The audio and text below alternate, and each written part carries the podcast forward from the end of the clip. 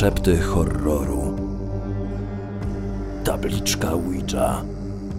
Autor Katarzyna Wacławska. Zespół copywriterów ul tekstów. Występują Olga Lisiecka, Natalia Stachyra, Maciej Dybowski. Policyjny psycholog Amanda White od kilku tygodni próbowała przekonać 17-letnią Skylar do rozmowy na temat wydarzeń, które wstrząsnęły ich rodzinnym miasteczkiem. Kiedy wreszcie z ust dziewczyny popłynęły pierwsze słowa, Amandzie spadł kamień z serca. Dyskretnie włączyła nagrywanie. Mieliśmy, jak co roku, oglądać horrory, ale w ostatniej chwili Karen zmieniła zdanie. Powiedziała, że, że mam dla nas coś specjalnego. Najpierw w ogóle nie chciała zdradzić, co to takiego. Dopiero kiedy Weronika zaczęła naciskać, przyznała, że chodzi o tabliczkę Ouija, którą udało jej się wylicytować na aukcji. Dla mnie to był super pomysł. Patryka też długo nie trzeba było przekonywać. Ale Weronika od razu odmówiła przyjścia. Zawsze spędzaliście Halloween razem u Karen? Tak, już od kilku lat umawialiśmy się w czwórkę. Zwykle u Karen. O której do niej przyszłaś?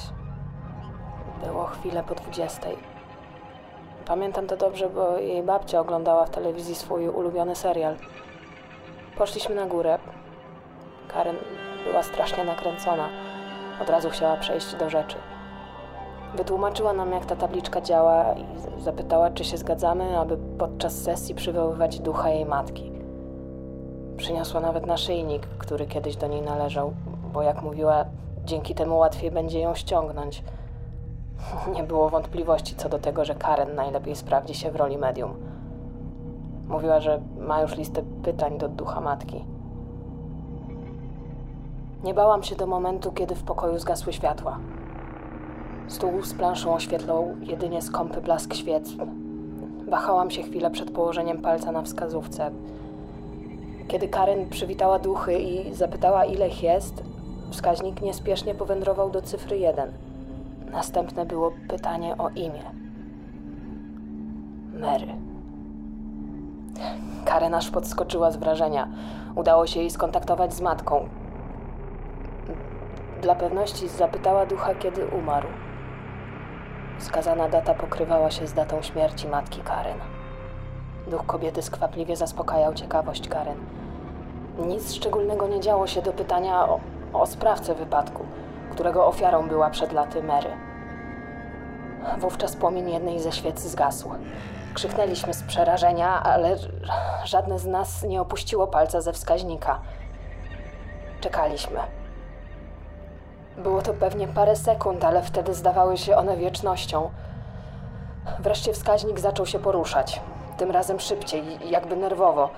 Kolejno wskazywał litery układające się w imię Andrew. Karen zamarła. Z jej ust padło kolejne pytanie: czy, czy chodzi o twojego brata? Wskaźnik od razu popędził do znaku tak. Po chwili usłyszeliśmy stukanie w okno, takie jakby, jakby wich, wichura smagała szybę gałęziami drzewa. Nie byłoby to dziwne, gdyby nie fakt, że, że tamten wieczór był bezwietrzny. Wystraszeni poprosiliśmy Karen, aby pożegnała ducha matki. Chcieliśmy zakończyć to od razu. Duch jednak nie zgodził się na opuszczenie nas. Mimo kilkukrotnie powtarzanych próśb, wskaźnik za nic w świecie nie chciał powędrować do znaku do widzenia. Chaotycznie wirował po planszy. Zgodnie stwierdziliśmy, że, że trzeba go puścić. Wtedy również druga świeca zgasła. Patryk poderwał się, żeby zapalić światło. Schowaliśmy grę do pudełka.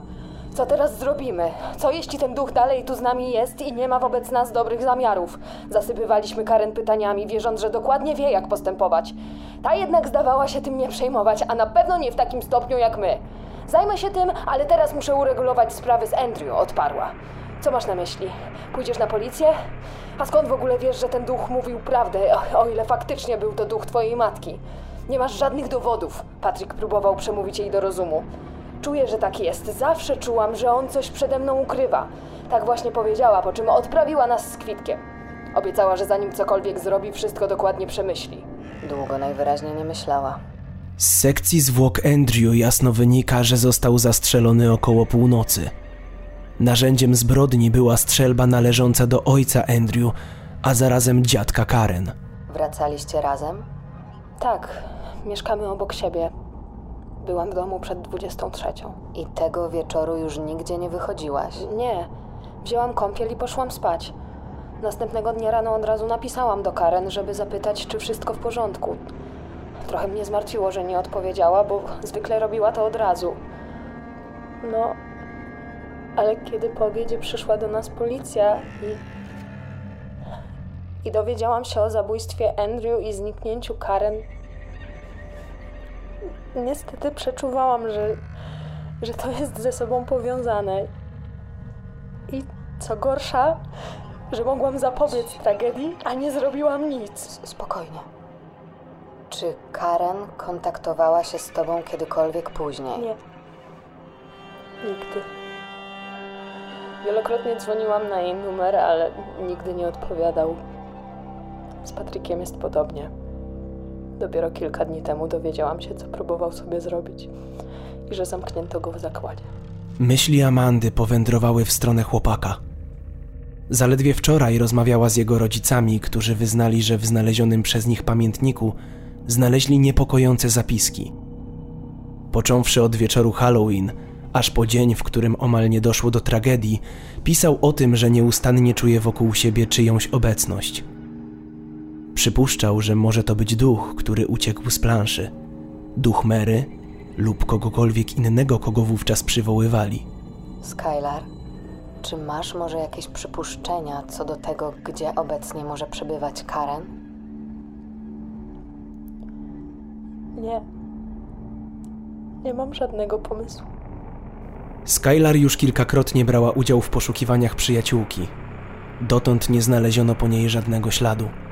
Nie było również zwłok, co pozwalało wierzyć w to, że Karen nadal żyje. I pomyśleć, że wszystko zaczęło się od tej tabliczki.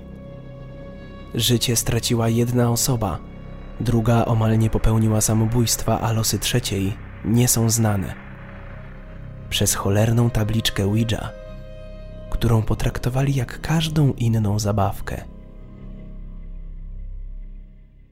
Zasubskrybuj szepty horroru, aby nie przegapić żadnej strasznej historii. Czytał Tomasz Osica.